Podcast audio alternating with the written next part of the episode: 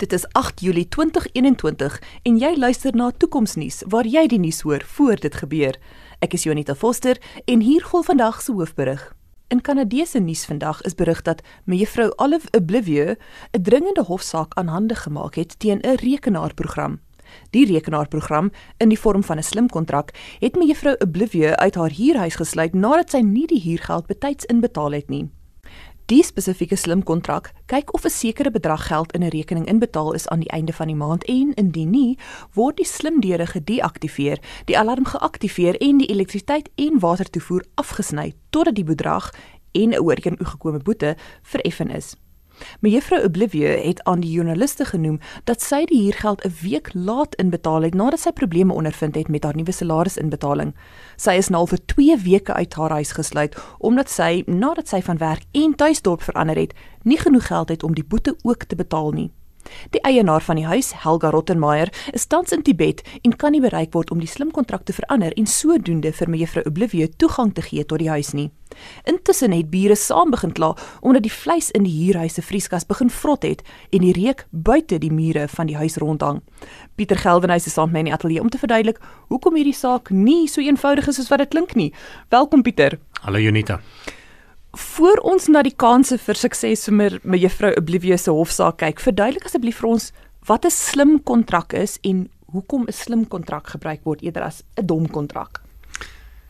Weet 'n slim kontrak is iets wat ons deel wat deel is van die blockchain of die, ge, die verspreide databasis wat ons op die internet kan kry. Vir die laaste paar jaar is dit moontlik waar verskeie mense inligting op die blockchain kan stoor, maar dat jy deel daarvan in 'n slim kontrak kan omskep. Nou wat beteken 'n slim kontrak? 'n Paar individue besluit as 'n sekere gebeurtenis plaasvind, dan sal die slim kontrak outomaties uitvoering gee aan die slim kontrak. Byvoorbeeld, jy sal sê indien uh, 'n persoon 'n sekere taak verrig, dan sal outomaties geld uitbetaal word. Of as 'n persoon te sterwe kom, dan sal 'n klomp aksies geaktiveer word. En dit beteken dat ons nie meer 'n uh, derde persoon nodig het, 'n uh, regspersoon of 'n prokureur om uh, eintlik 'n 'n kontrak aktiveer nie. Dis 'n kontrak wat outomaties plaasvind indien dit aan sekere voorvereistes voldoen.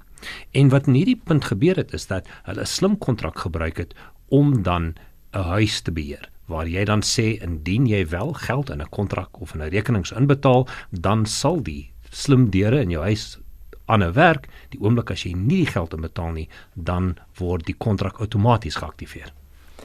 Ek kan amper nie dink dat daar nie 'n alternatiewe oudtydse manier as jy wil is om by die huis in te kom nie. Daar's sekerlik selfs in die slimste huise 'n een eenvoudige venster wat gebreek kan word sodat mevrou Oblivion ten minste haar yskas kon leegmaak of of haar nodigste besittings kon verwyder. Dis seker 'n Kanadese ding. Ek dink in Suid-Afrika sal ons maar 'n venster breek en dan probeer om die uh hopelik die vleis uit die slim yskas uit te kry. Maar ek dink dis werklik 'n probleem. Ek dink as hy uh enigstens iets aan die huis sou ver, verniel, dan is daar ekstra boetes en miskien uh regsaksies wat uh, teen haar aangegaan kan word juis omdat sy die kontrak onderteken het. As sy die geld nie op die regte tyd inbetaal nie, dan word sekere dele van die huis gedeaktiveer soos wat tans gebeur.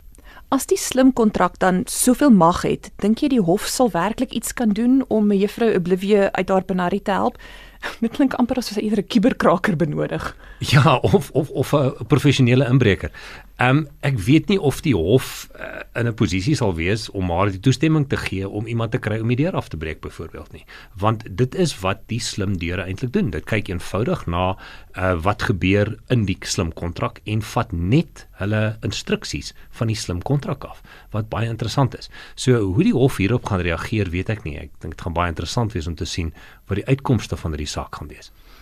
Is daar plekke in besigheid byvoorbeeld waar slim kontrakte ook gebruik word? Ek dink daar's geweldige voordele wat jy kan kry en ja, dit word alreeds gebruik. Ons sien byvoorbeeld in industrie waar sekere uh doelwitte bereik word met 'n sekere ooreenkoms, dan word outomatiese uitbetaling gedoen. As uh, iemand byvoorbeeld iets sou bestel van oorsee af, het ons al begin sien dat die geld binne in slim kontrakte vasgevang word en slegs indien die produkte in ontvangs geneem het, slegs dan word die geld beskikbaar gestel. So ons sien geweldige groot toename in die gebruik van slim kontrakte in die ekonomie. Wat sal jou raad wees vir ander huiseienaars wat ook slim kontrakte wil gebruik om hulle huureiendomme te bestuur? Wel, ek dink as jy ver weg bly van jou huurhuis af, dit is miskien 'n goeie idee. Ehm um, ek spoteer ligtelik, maar ek dink ons gaan dit meer en meer begin sien in die toekoms waar jy in 'n kontrak baie duidelik sê, daar's 'n verskil tussen die huurkontrak en die slimhuisaktivering. Jy betaal twee bedrae en indien jy wel nie die geld betaal vir die slim deur of die vir die slim huis nie, dan kan jy via hierdie slim kontrakte sekere aktiwiteite in plek stel om wel seker te maak dat iemand betyds betaal. Ek dink ons gaan hierdie 'n uh, groeiende tendens sien in hierdie gebied. Dankie Pieter. Mevrou Oblivieux het gesê dat sy bekommerd is oor die toestand van haar besittings in die huis en of mevrou Rottenmeier se versekerings haar sal vergoed vir enige skade wat moontlik deur die reuk van die verrotte kos veroorsaak is. Inwoners van die buurt wag saam in spanning totdat mevrou Rottenmeier terugkeer van haar Tibet-toer oor 6 weke. Dit was Pieter Geldenhuys en Jonita Foster vir Toekomsnuus waar ons die moontlikhede van die toekoms ondersoek. Vir meer inligting oor vandag se episode en ander tegnologieontwikkelinge, besoek gerus die Toekomsnuus Facebookblad.